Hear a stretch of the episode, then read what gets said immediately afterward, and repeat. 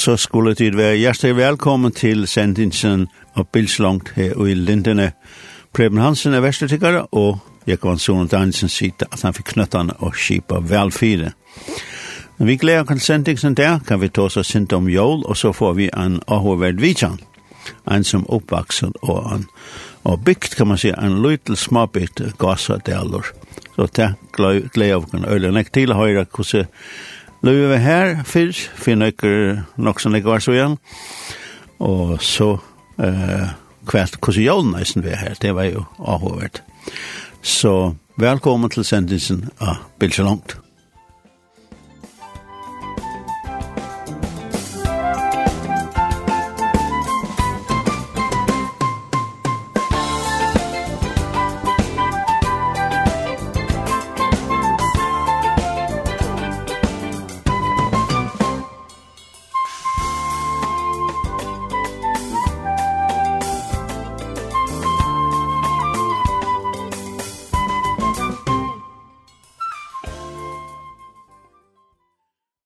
nu finnes jo vidtjen av Anna Godsen. Ja. Velkommen, Anna. Takk for det. Takk for at du kunne komme om man her. Nå er du stakast til stakkars der. ja, men nå arbeider jeg ikke langt så. Nei, så... Så nå har vi gåa tog. Gåa tog, ja. Ja, er du en som stakast nek til nekkelig der? Ja, det har vi alltid gjort. Ja. Det er noe som er fyllt meg fra badene og alt. Ja. Og alt skal henge, helst skal henge her, og alt skal henge her, skal standa her. Kanskje ikke er så øyelig enn jeg. Nei. Her, men... mer damer har pyntet til jord. Ja. Ja. Ja. Hun er om. Ja. Og, og jeg leser brot som hvis man googler, jeg leste Jan, hvis man googler hvordan holder man jo på færgerne uh, av danskene. Ok, ja. Så skriver yeah. det et eller annet nekkeljøs, nek, nek uh, elektrisk ljós og alt det der. Men det er veisen tror vi det som vi skal to, ja? Ja. Ja. Vi tok det akkurat etter Jan, det er faktisk bare ett minutt etter. Så ja. ventet det hinveien. Akkurat, ja. ja. Men det er nok det som gjør en damanen så honalige, ja. At det er sånn en ljós. Ja. Men Anna, du er uh, oppvaksen i Gåsadel. Ja. Og Gåsadel var et uh, øyelig plass som var ringt å slippe til. Helt sikkert. Ja. Jeg har ikke ikke her på en fjallet. det, det er ikke bare bare. Det er ikke bare bare. Og så skal man også om at de som bor her, ja. det er ikke bare gikk opp om fjallet. Men det er denne tunga byra av Ritsjon. Ja. Av alle tog som de skulle ha visst her, de måtte bære seg Ritsjon. Ja. Ja. Så det er vært strev. Ja. Og så nekva det var slett til å sikla til. Nei, Gasadalur er brynplass, og om vetren, ja, takk, man kunne ikke til rett legge nekka, vi båt til her om vetren. Det måtte bare være at det var kyrst. Ja.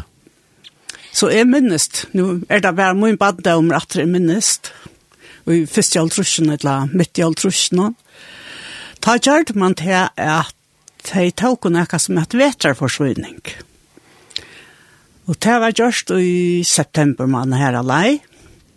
Og ta tåk man alt det tunga som man skulle bruka gjennom vetren, som mjøl og sukker og margarin kanska, og kraftfauer til, til kreatorene, og høstnafavor til ødla høner. Det, det var en fyrtid for å få egg, så måtte ja. man ha høner. Og det ble så alt, tidsi vi båt da, Men eh, fra stedet her som bateren legger det, her skuldes alt bæres av rytjen. Ja. Alla med i nian, oppgjeng trappene og oppa bakken. Ja. Og så halvtid er man brukt i hestavågen til at køra det vi igjen i bygden. Ja. Yeah. Og hatt en steg du, du snakker om, det, det aller flest kjenner det, det er jo heimskjent den mynden for stand og hikker uh, fossen som det og det. Mulafoss, ja. Mulafoss, ja. ja. Og helt oppa her, og helt nyrfra, og jeg er ikke selv her, ja. og, og uh, nå bare stille ganger tog det om og lov her. Ja, ja. ja. Og jeg tror som vi en, ta i vei her ut, tror som vi en eldre uh, med over her ute, han sier, ja, de så får en komfyr fyren igjen her, det er vært knoss. Jeg minnes at han kom forrige, omma min åtte at han kom forrige. Ja, og så var det, ja. Ja, så mamma bare ikke min, bær kom forrige av Ritsjøn, fra lendingene og opp av bakken. Ja, det er oskiljant. Det har vært en tung byr. Ja. Dette var en morsekonfyrer, han var ikke løytel. Nei. Så han har vært rettelig tung. Ja. Det er mennene vi vel fyrt da. Ja. Ja. Det var det. Men du er... Uh Er du føtter i Gassadel? Jeg er født i Gassadel. Begge foreldrene var herfra. Så jeg er født og oppvaksen her. Ja. Ja. Så du, altså, Batnanskekvann, at jeg trakka i her? Ja. Og, og hva er det første minne om, om togjen her ute? Altså, jeg har bare gav minne fra min baddom. Det var et utrolig godt sted å vekse opp. Det var frukt du skulle ikke ansette noen bilen eller noe som som er, eneste vi finner for på måter, det var til mye ferdig etter. Til man bencher, så man får ut der, så kom man jo, for han i fire. Men annars så var, all naturen var okkar å spille plass faktisk. Eien var her, og det var bøver og heie, og ja, vi hadde tatt øyla frutt som bøtten, og spalta utroliga nek ute og öll spalta saman. Tog vi vet våre så få. Så at det har är bara gå minner fra. Ja. Ja, og jeg snu vetren, da kaven kom, så skrøyte man ut i Atlanterien. Ja. Det var virkelig, det var virkelig stått litt. Det var det. Så jeg har bara gå minner fra mine bandet om her. Ja. Alltså det är jo størst öte hvis man ikke in delen här. Ja, ja, ja. Det, det, det är en stor del. Kjempe öte, ja. Ja, ja, det er det. Och vad diskar man här inne i delen, eller vad så vet det? Alltså det var således att, ja, man har man sagt, måtte forsøyne seg själva, om vet til daglige. Så här blir vält epler. Och det blir skortorv. Och det ble hotcha. Det kreaturen skulle ju ha favor. Så, og høner og donner hadde folk. Så alt de tingene, det heier man her i bygdene. Mm. Som mjölk og egg og døvra med så gjør. Ja, hvordan vi fisk?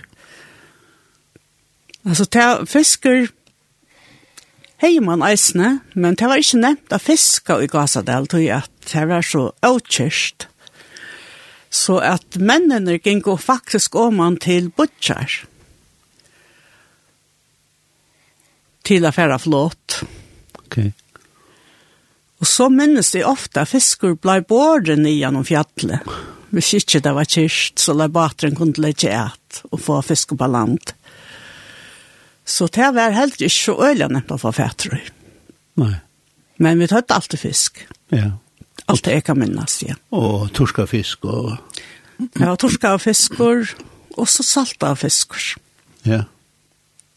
Och fekst fekk man också i. Mm. Och det skulle vara akkurat av fiskor man fänka av tog at mine badnar, tar du någon slags det? Ja, någon slags det? Nej, jag har någon slags sted. Okej.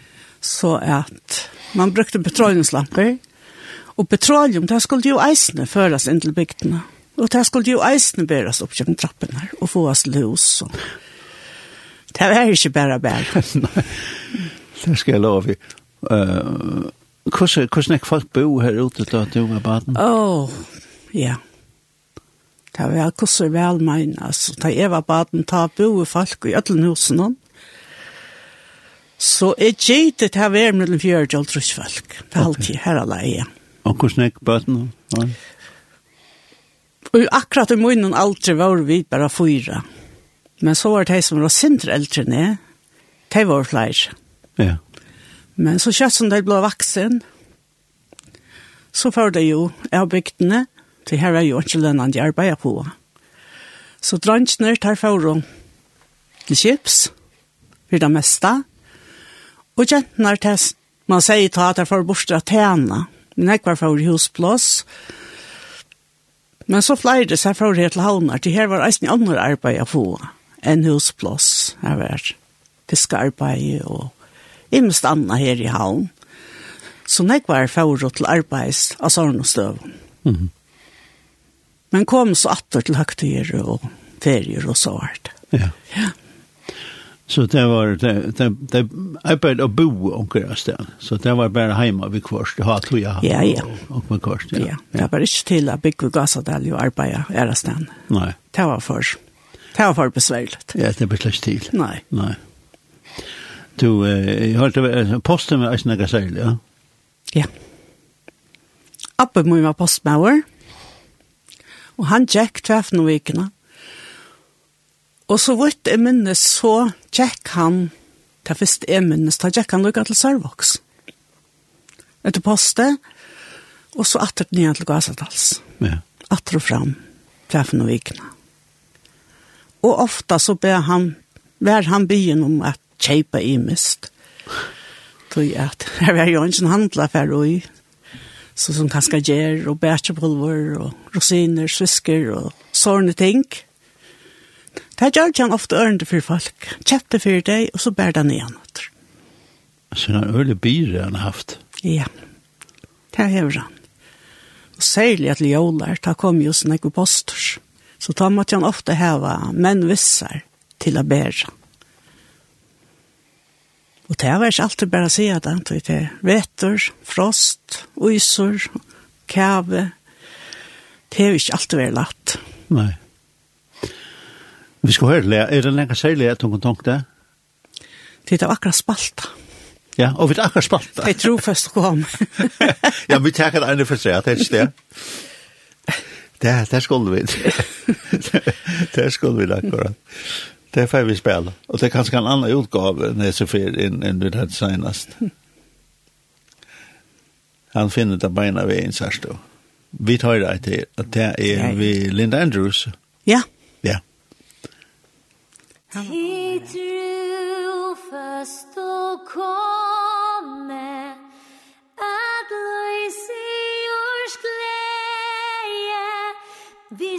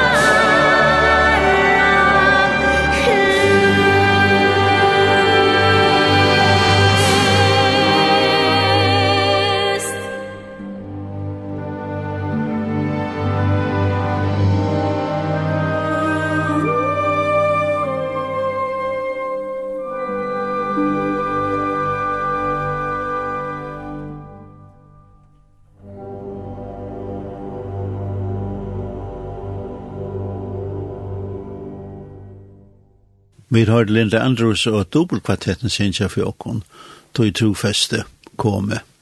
Og her i stoven har vi vitsan av Anna Gottesen som er atta ur Gassadalur. Ja. Og vi tar tåsa sindi om du skal være vokse opp, vokse opp i Gassadal. Men så er kort kjemma med et punkt, men man skal gange skola. Ja. Hvordan vet jeg, altså, det var, det var ikke nek båten. Hvordan kunne man mekna, hvordan kommunen mekna til? Det var en altså, skola var alltid. Det var en kjørsle kommun. Det var Butja kommun, altså Bø og Gassadal ja. var en kommun. Og det var en lærere, så han tjekket middelen, er hver vik. Okay. Så man var er hver vik i skolen. Og jeg vet ikke vi var av bøtten, da, da jeg for skolen, vi var ikke øyne jeg. Så at jeg er lukket som, og til Atalina som, da vi var sånn jeg falt hver, så at det kom ikke sånn jeg var trett. Nei. Nei så at eh, jeg halte vi tar vær. Kanskje at jeg begynner, kanskje en touch. Her er alle jeg halte. Ja. Ja. Og mer dem til øyla vel av i skolen. Jeg langtest virkelig etter å slippe skolen. Ja. Og lære å lese særlig at mer dem til øyla vel å lese. Ja. Skolen til at jeg fitta luta kvita hus. Ja. som stendt her. Ja. Ja. Uh, Sintfisk i Kjolvan. Ja. Ja. Så han var ikke bare brukt til skolen. Nei. Men han var eisen brukt til kyrkjen. Som det er. Ja. Ja. Hvordan var det her? Det var, her var Lise Nestor. Prester kom, onken tog, men det var kjoltan. Det var jo ikke nødt å komme til og fra. Så det ble eisen en tørlig pastor. Det var fra skola. Høyre Lester på en sundag. Ja. Ja. Og så kom akkurat vi kjenner. Ja kom hun tro på Arne igjen og hette møter i skolen. Mer enn så. Men særlig en som heter Johan Hans Simonsen, han ble til badnamøter. Og han har glansbullet ved seg. og så har han så anklar som, som uh, lukket som lust og i myrk. Ok. Og det var vi et øyelig glede for vi bøten, tror jeg at man fikk ikke noe sånn. Så vi var ikke forkjela i tammata, vi leiket høy og i imeskån. Så det var nekka særlig, da han kom. Så hei han badna møter eisene, og så hei han møter i skolan og kveldene. Så det andal jeg lov vi jo, det var nok så aktivt. Ja. Det var det, ja. Jeg minns det, jeg har vært i skolan, og jeg har snakket urkur her. Ja. Ja som blir brukt til gudstjenestene. Ja. Det er ikke enn her. Nei, ikke det gamle. Ikke det gamle. Det er ikke vekk, ja. Jeg mener at han, en som heter Müller Petersen, kjøpte til orkene og sette han ut skolen. Ok. Og jeg halte at hun får natt til familien nå. Det mener jeg bestemt. Ja. ja. Så Folk har vært øyla gøy i skolen og i bygdene. Eisen at han også at jeg er ferdig herfra. Og Hesse Mulder, han heisa en søndagsskola vi okkur bøtten. Så at jeg gikk i søndagsskola i nekvunna min badnar. Så det var, ja, det vil jeg si at det var aktivt lukka som eisen til andalige. Ja. Det var det jeg kunne alle mine oppvøkster. Uh, vi snakka jo om uh, godstrykven. Ja. Godstrykven la øyla djupt i falsken. Godsøtte. Og sen tarveren er av at vi klarer oss ikke utan godshjelp. Mm. Tog at tilværen var så streven. Og menn får i bjørkene, tog at det skulle jo eisen veie større møter. Jeg minnes ikke til at nekker ikke er kjøpt nekker døra møter, men her var fokler, og så grint, og fisker, og selv om det var bare saltfisker, tog at det var en annen måte til at gøyma møten og denne salta. Ja, selv om så kunne man torska eisene. Ja. Og så var det eisen for Bjørgen et seie, og så gjør det. Så at det var en viss rødt i et tjatt hjemme, så så det hjemme. Ja. Om at det skulle gengas vel, og at det skulle komme atter i et lunga om. Og ofta man har det at det er, å yes, Saul, og nå er det atkomner. Ja, ja. ja. Så det var. Mm. Det var noe som man har i kontakt med alle tøyen. Ja, Bjørkjen her, øyelig brøt det. Ja, ja. Hvis man fær, fær rundt han om her. Vi la gongt og så ja. ja. Ja. Um, og da man fær som isen er så en stor minnesvær for som er fjæren. Ja. I Bjørken eller Asjån. Ja. Hvordan var det noen som får i Bjørken og men du var her? Ikke i mine tøy, men are mine tøy er det flere som er fjæren. Ja. Ja. Det skrekkvande høtt, og det er jo bare hoa skrekkvart, det er vel svære. Det er gåa fjalla skrekkvande som det er i det, ha? Så jeg veit om hvordan er en av pappa kommer i ferien, og en pappa bare på reisene, datt om han. Men det er alt vært i året mine. Men det har nok li og i falskjen, det er sånn øtten fyrir at mm nekka skulle gjenta. Ja. ja. Så var det. Um, her er blitt det funnet at det er som får? Er det, er det... Ikke alle halt. Nei. Nei. Men de fleste halt er funnet at. Ja. Ja. Så, er jo en kyrkjegær her ute? Her er kyrkjegær, ja. Ja. Så ja, han er fotler, den kyrkjegæren. Så det er vært nok sånn jeg folk ja. som har vært grivet her. Annars er det sånn jeg folk grivet i Sarvei til dømes, tror jeg at ofta så får folk av bygden etter det var sjuk, og så døg de, og så blir det ikke bare natt til Gassadals, men grivende Sarvei. Ja. Det er, og i munnen er tog jeg, det er nekva tog. Mm. Men uh, vi snakker jo om at uh, en fraflyt, fraflytning var byrja, da tog var baden. Ja. Alt de som kom opp i alder av en kanska 15-16 år. de tog av bygdene, sjålande, de skulle hava lønande arbeid, og det her var ikke lønnande arbeid for gassadele, og togene her var eisen sikker brøtse, så løs at man har vilja nekka enn til å bare at passa neid og seg og liv av tog som er her. Så de får av bygdene,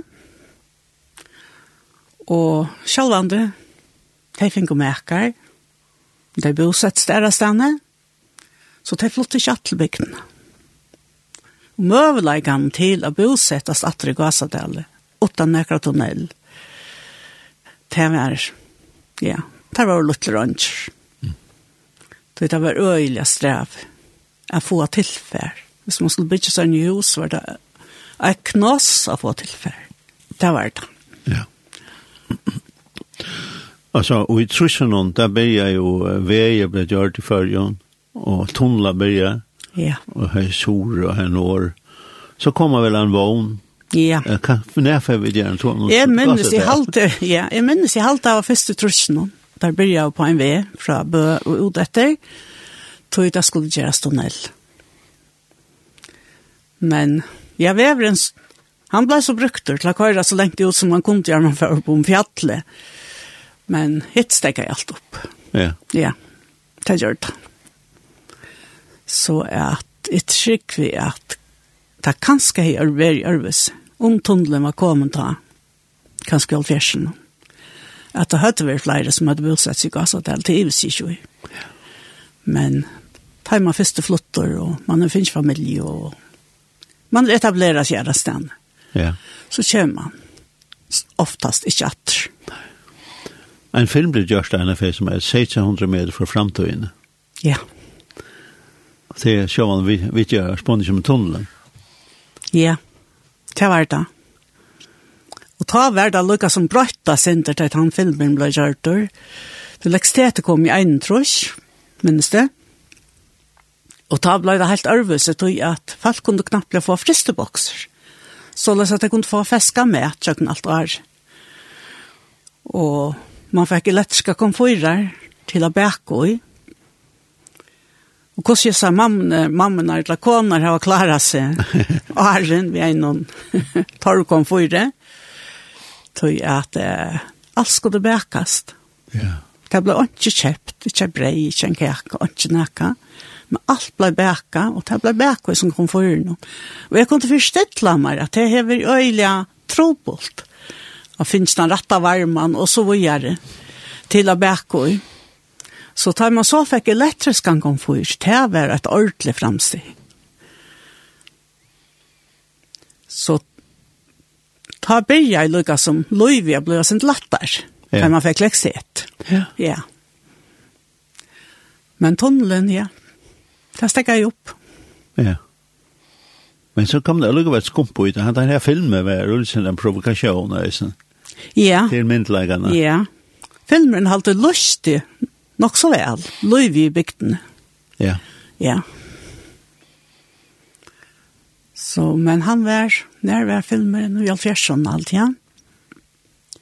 Og ta var, ta var helikopteren blir gjøre flikva. Det var såleis at helikopteren kom, så fikk Asadel fastar roto ved helikopteren. Og ta var det lettere å få alt helsyn, så ta kunne jo sende alt det som var knossa av bætsjen, ta kunne køres i helikopteren, så at jeg får vør og tilsyn og annet, det ble nok glattere. Og eisen jeg ferast atter og fram, det ble lettere til at man kunne komme ved helikopteren. Ja. Så det brøtte nok sånn jeg, det ble lettere å leve. Ja det vil jeg si. Og posten skulle ikke bære som påmhelt? Nei. Alle tunge poster før vi helikopteren, men posten ble båren og pom. jeg fra vikene ta. Men ta gikk man til Butcher et post. Ok. Ja. Vist er minnes ta gikk appen, men han gikk til Sørvoks, og det er nok så vel langere genka. Ja. Ja. Men uh, ta så vever var kommet til en bø og sørve at han meini er apostelen ble kortere ut til butcher, så les at han fikk, fikk han ned. Ja. ja. Troa løyve, kjett det? Ja. Vi snakker alltid om uh, godstrykk, har vi snakket om, og, ja. og, men det er personlig samføring om, om ja. godstrykk, men ja. Ja. Det ble kanskje ikke øyne jeg snakket akkurat om det. Men... Uh, det antallet at det var alltid her. Jeg minnes det, når jeg tog i skolen, vi byrja av skolan, vi har lest kapitlet Nødja Testamentet. Og så har man katekismus, og hun skulle da ha stått av nett. Først var det en løytel, så kom en større. Og her var øyne en bibelvers i. Og det skulle vi lære ått nett. Så at jeg kom og lære øyne en vers i bibelen, som kanskje hever kommer til gauar sættene. Ja. Men så er nok strevet da. Men jeg har nok så lagt vi å lære, altså. Det gikk.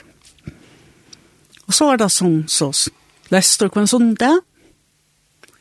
Og så er det Imes som kom og halda møter. Jeg var. Så det antallet at jeg var alle togene her, og jeg har vi alltid tro. Mm -hmm. Men så tar jeg var, jeg var 16 år, så før er eisen av bygdene, tog jeg at jeg vil nækka meir. Så jeg startet vi for husplass, og så før jeg ha skola. Så var handelsskolen kom her i havn som kvällsskola. Så får man arbeid i handle og tjekka geng i handelsskola om kveldene. Så man, det var en lenge dag, men det gikk godt. Og så, hei, jeg hei lykka som henda langslen og i meg, rett nekka meir, heisen jeg til antallet. Og jeg bor som kjamastum min her, og teik inko i evangeliosten. Så jeg begynte jeg enga møte, sammen vi taiman.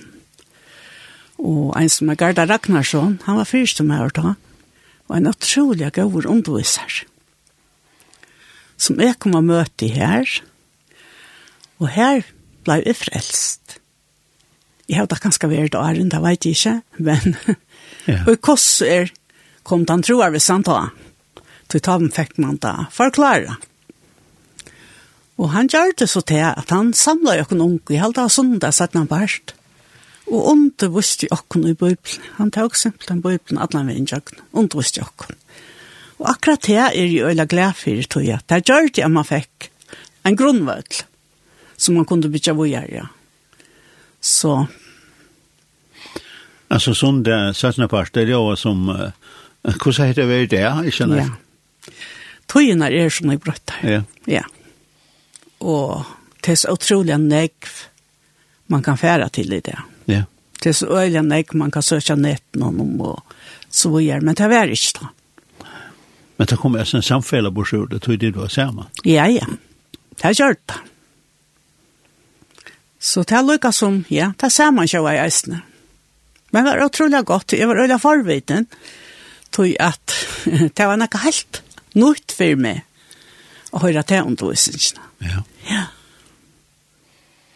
Så det har helt i allan veien i kjøkkenen til det ene det. Ja. Ja. Ja. Så det er det det var nokon mening vi tog for av bygden og så. Ja. Så. Det har alltid ja. Kom vi ja. Ja. Ikke kommer og ikke se det noe negativt, det er ikke det. Nei. Nei, nei, men... Man kan ikke gjøre mer man løser i person. Nei. Ja. Um, så ble du møtt av en mann, ikke det? Ja. Ja. Vi møttes til i havn. Og så ble vi gift, og fikk hus, bøtt, og så gjør det. Ja. Så, ta blir börjar faktisk en nytt kapittel at. Ja. ja. Han er sen at det här västerifrån. Han er är att Arubö. Ja. Ja. Og han var showmauer. Så jeg var öljande ensamöl vid bötten. Och det selv självant, man var inte läsare for alle stedene. Men man får så at man går inte. Ja. Ja. Så det är ett andra liv, det, det er råfest og grunnfest, det blir jeg i, bø, eller blir jeg i, i Gazadan. Ja, det er alltid. jeg. Men så lyckas väl så, så kom det näka otroligt gott inn i livet att du, du fikk en undervisning. Og, ja, ja. ja. Og på grunnfest, og och i år nå, kan man ja. si. Ja, ja. Anna, vi skal høre läget till det. Uh, har du funnit något som du kontaktade? Mm. Ja, ja, så att det var glädje jul. Ja. Ett ordentligt. Ett som det kom så länge den hela mannen. Nu nu tatt på. Ja. ja. Hej, en går väl ju. Vi tar ska vi ta en lutsen. Glädje jul. Ja. Av fjós och en kruppa. Ja.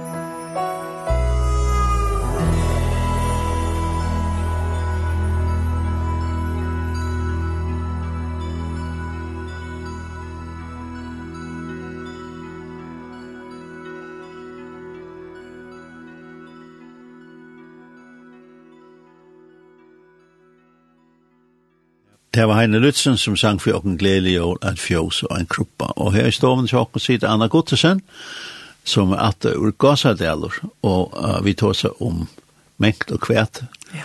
om tunna trykk og så hvor gjør.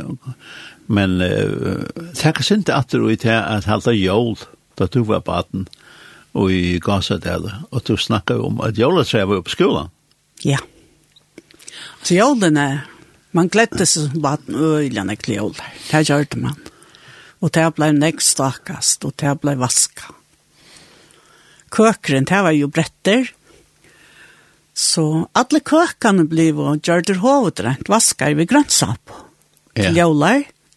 Og det er en halv særlig an, luktvisser. Ja. Ja.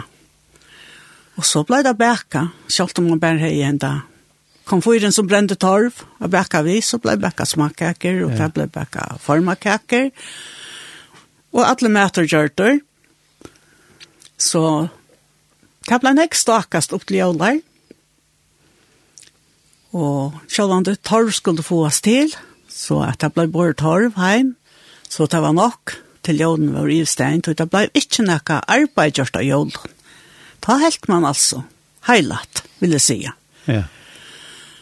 Men jólaftan og jólatræ, jólatræ høttu vi ikkje, og akkurat hos hei okkur til jólatræ, men vi høttu det ikkje, og det var ikkje som å si at jeg får jólatræ til bygdene. Nei. Så at hvis det ble kyrst i desember måned, det kunne de hente seg, at man kunne få træ når vi båt, men hvis ikkje det, så skulle det ta træ bærast opp om fjall. Og det var ikke bare som å si at det av bæra et, og det var nok så størst, tre av ritsjonen til Gasadal, særlig ikke hvis det var vinter, tog jeg at det tek jo var vinter av seg. Så det var ikke nevnt av at han som bær. Men det kom så nyan kvart år. Det gjør det. Og jeg minnes jølaftan, da ble Lisen Lester i skolan. Og så tar man kom ur skolan, så var livande ljøs, satt i vindøyne, Det var veldig honallet. Det var alt stearinljøs, det var en slags teta. Så det stod i hver vinter, livant ljøs. Og så minnes jeg alltid, vi fikk ikke lunn og sår til jølafta, men vi fikk jo stakt røstdriv. Så det ble så etter at han man kom, hjemme ur skolen, og så pakket man gavene opp. Så det var, det var øyne honalige, vil jeg si. Ja Og kreaturen ble heldig ikke glemt. Vi tar i minne som baden, det ble ljøstentra i kjattlaren, eisen til kreaturen. Så det, det var ikke mørkere. Natten til jøla til. Ok, ja. Yeah. Ja. Så om kveldet, når man får sang, så hengte man en sokk opp. Så ja, man tror jeg eisen på jølamannen her. Og Så man øyde spent til å vakna i alle morgen, vidt hva kom jo enda satsen. Og her var alltid akkurat du, akkurat gøggat. Ja. Så det var, det var øyla stått litt. Fyrsta jævla det, ta, ja, man vet ikke hver annan, tjekk inn tjekk hver nøren, og det gjør det man ikke ved av, og i som bygda samfunnet, man vet ikke hver annan, tjekk inn til hver annan. Så ta i andre jævla der og kom, ta blei treje, ja, det var sett opp åren i skolan nå. Men ta kom all bygden ut i skolan og dansa jolatra. Og bøttene fikk å pakka, vi gikk etter jo. Og det ble så dansa jolatra og sunkne jolasalmer, og det ble listnar søver. Så det var lukka som hattarpunkt i ødlen jolen, og det var annan jolatra. Det man for skolan og dansa jolatra og nærmast öll bygden samleis der. Det var ekkelig klonalt. Og det var nekka man gledde seg til. Eisen jeg kom atter til at han aman fær færen av bygdene. Og det minnes det öll de unge som enn var leis, de kom öll atter til jólær. Og det gjør det jeg eisen hver i einan sjål, og hun gledde seg virkelig at Lisa løtene ut i skolan. Vet du hver? Ordelig, hun har litt. Ja. Ja. Men det var ikke alt så nevnt å komme. Nei, størst skal jeg være. Så. Ja, jeg minns det. Jeg arbeidde i handle. Vestla i Sylte klokkan tvei til min våks, jolaftan. Så jeg og flere vi mer, vi får Vestla til min våks. Og så kjølvann du bil i Utel Sørvåks. Og så måtte vi ta bil fra Sørveie og ut enden av Venon, og så til gang opp om fjallet. Og ta var sjalvan bli mist. Så ta vid en av kom til bygdene, jeg vet ikke klokka er vær, så ganske nødt, om kveld. Ta var, ta var vi med Ja, det kan jeg atle. Ja. Men hoveren kom at det var så stor at det er simpelthen, det er dreivest. Ja Ja. ja. Og genga saman. Og vi gikk alt saman, ja, og hadde lunga lekta løs, så kom vi sånn. Det var hon allt. Ja. Ja, det var ordentligt jag allt. det är säkert fett när jag väl. ja, det har blivit snacka och så är det så. Ja, ena dottern och så upp att det. Ja. Ja. Så det är otroligt. Alltså, nu, nu har vi sålt en kär. Alltså, det, det är som är eller så bra. alltså. Ja, det är, det är rättliga bratt. Ja, det men... är det, ja. Götan var hilden också väl vid lyckat. Ja. Ja. Ja, men den om somrarna ta ta var några som männer hade tar gjorde några smörplikt. Okej. Och här var affär jag kan alla götna i en skäre. Han på banan och hjälp på banan. Så hon var rymliga gå och gänga ta. Ja. Det var. Ja. Och det måtte till tror jag. Hon var sån jag brukt. Ja. Och så i det. Ja. Nu en tunnel. Och i det så sätter jag mig i bilen i tunneln. Og en luttland tøyma sattne er de i tunnen heim i Gassadel, så. Yeah. til monora. Elektrisitet, heile, heitene, ja. så var ja. oljefyr. Sentralvarma og så var jeg. Så det var øyelig kaldt å komme. Det var jo bare varme i køttene. Ja. Vi kom for noen her. Så kommer det. Det var kaldt. Og man skundar seg opp av loftet, og så under døgnet vil jeg få varme. og så opp om morgenen. Og så opp om morgenen. Men papp var altså tullig opp, så han kjente jo komforten, så da var hett å komme ned i køtjen. Å oh, ja. Yeah. Ja. Det gjør det gav amon. Ja. Så det er en helt annan tøy. Ja, ja. ja. Det er en helt annen tøy. En fjern tøy. En fjern tøy, ja. men så du jeg er glad for jeg har opplevd han. Ja, det var, du fikk akta, du, du fikk akta søster vi. Ja, jeg fikk enda vi at vi ja. døgnet jeg si. Ja. Ja, hver så telen kom og så videre, så videre, sånn at, ja. Ja, ja. Uh, og nå en tunnel, det er bare luksus. ja, det er luksus. Det er samme, forhold til det som det er. Ja. Men jeg vil si at det er ikke vil gjøre litt og noe tunnelen det. Ja. Her er det så, få folk etter, og skulle det ha hjelp bare stedet fra, så tek det jo. En har løt å bare komme ned, ja. bare for å serve i bø å komme nyan gjennom tunnelen. Ja. Det er ikke man akkorter eller hva det er. Hva, nu kommer det enda vi, hva gjør man til at folk blir sjuk, altså? Det er... Altså, det ble ringt til lakna. Og han kom nyan onken tog, men altså, det var... Man ringte ikke lakna noe, folk var det sjuk. Det gjør man altså ikke. Men det ble alt passa hjemme. Ja. Det var ikke som for alle sammen, eller noe så vært folk blir passa hjemme. Og jeg minnes onken, jeg minnes kosser ena kona som jeg finnes tarmslung, Og jeg gjør denne børet til henne, så børet der han oppe om fjallet. Ja, det er ikke forstått litt. Nei. Så får hun gjøre herfra sjukros. Men hvis det var kjærre, så kom doktorabateren, Ja. Og så ble folk ferdig en minnebåt ut til doktorabaten som så sylte til havner. Det var det eneste som var. Er. Ja. Ja. Det var... Annars så, det var folk sjuk, og man hoppade på at det kom fyra kjatter. Så. Ja. ja. Ja, det var helt, helt ærløsret. Ja, det var det. Ja. Det var helt ikke vi nevnte av sjuk da. Nei.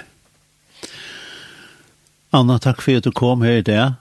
Kjallur takk. Og jeg har fortalt dere en AH-verst om, om at du liksom fikk om endan av den gamla tøyen som var uh, Atlastan i förrjun faktisk. Ja, Atlastan i förrjun. Ja, men ja. det var en lukum senast i Gazatel nästan. Ja. Det hade nästan den bygden som ja. var senast kan man se och fick samband. Meine tunnelen kom i 2006, menar jeg. Ja. Ja. Det var ett ölejökenbrott. Ja, det var ikke det samme. Och det gjør det til folk som ble veik, gommel, kunde vara hemma. Ja. Så nu kunne jag få hjemmehjelp. Ja. Så det var en størst framstid. Ja. Ja. Og nu er det en kamfelemann og bygd. Ja. Mm. Her kommer øyene kvære folk. Jeg halter flere hundra tjøkken deg. Ja. Ta du hikker ut, så er det en javne streimer, og man og nye tjøkken bygden. Ja. Og som rannar. Mulafoss ble en heimstjent. ja, utroligt. Skulle tro det. Jeg som du var spalt. ja. Og i ånden det. Å oh, ja. At det kan bli eibstjent. Ja. ja. Ja. Her er vekkert rundt han om, jeg sier ikke rundt han om til. Det er det, det er vekkert plass. Ja. Så nekka om minne. Ja, nekka om minne. Ja, eisen om joltøyen. Eisen om joltøyen, ja. Seil om joltøyen i alltid. Ja. Vi tar vare nekka seilet. Ja. ja det att knossa for för jag kom at det var flotta bygden for jeg kom att bygda. Ja, man legger nekk fyr. Ja. Vi skulle høre et lære at, og kanskje vi skulle tega fjoljo, det er så det sier menn av vakt. Ja, det var en sanger som var sånn genegg i min vattendom. Ja. Ja.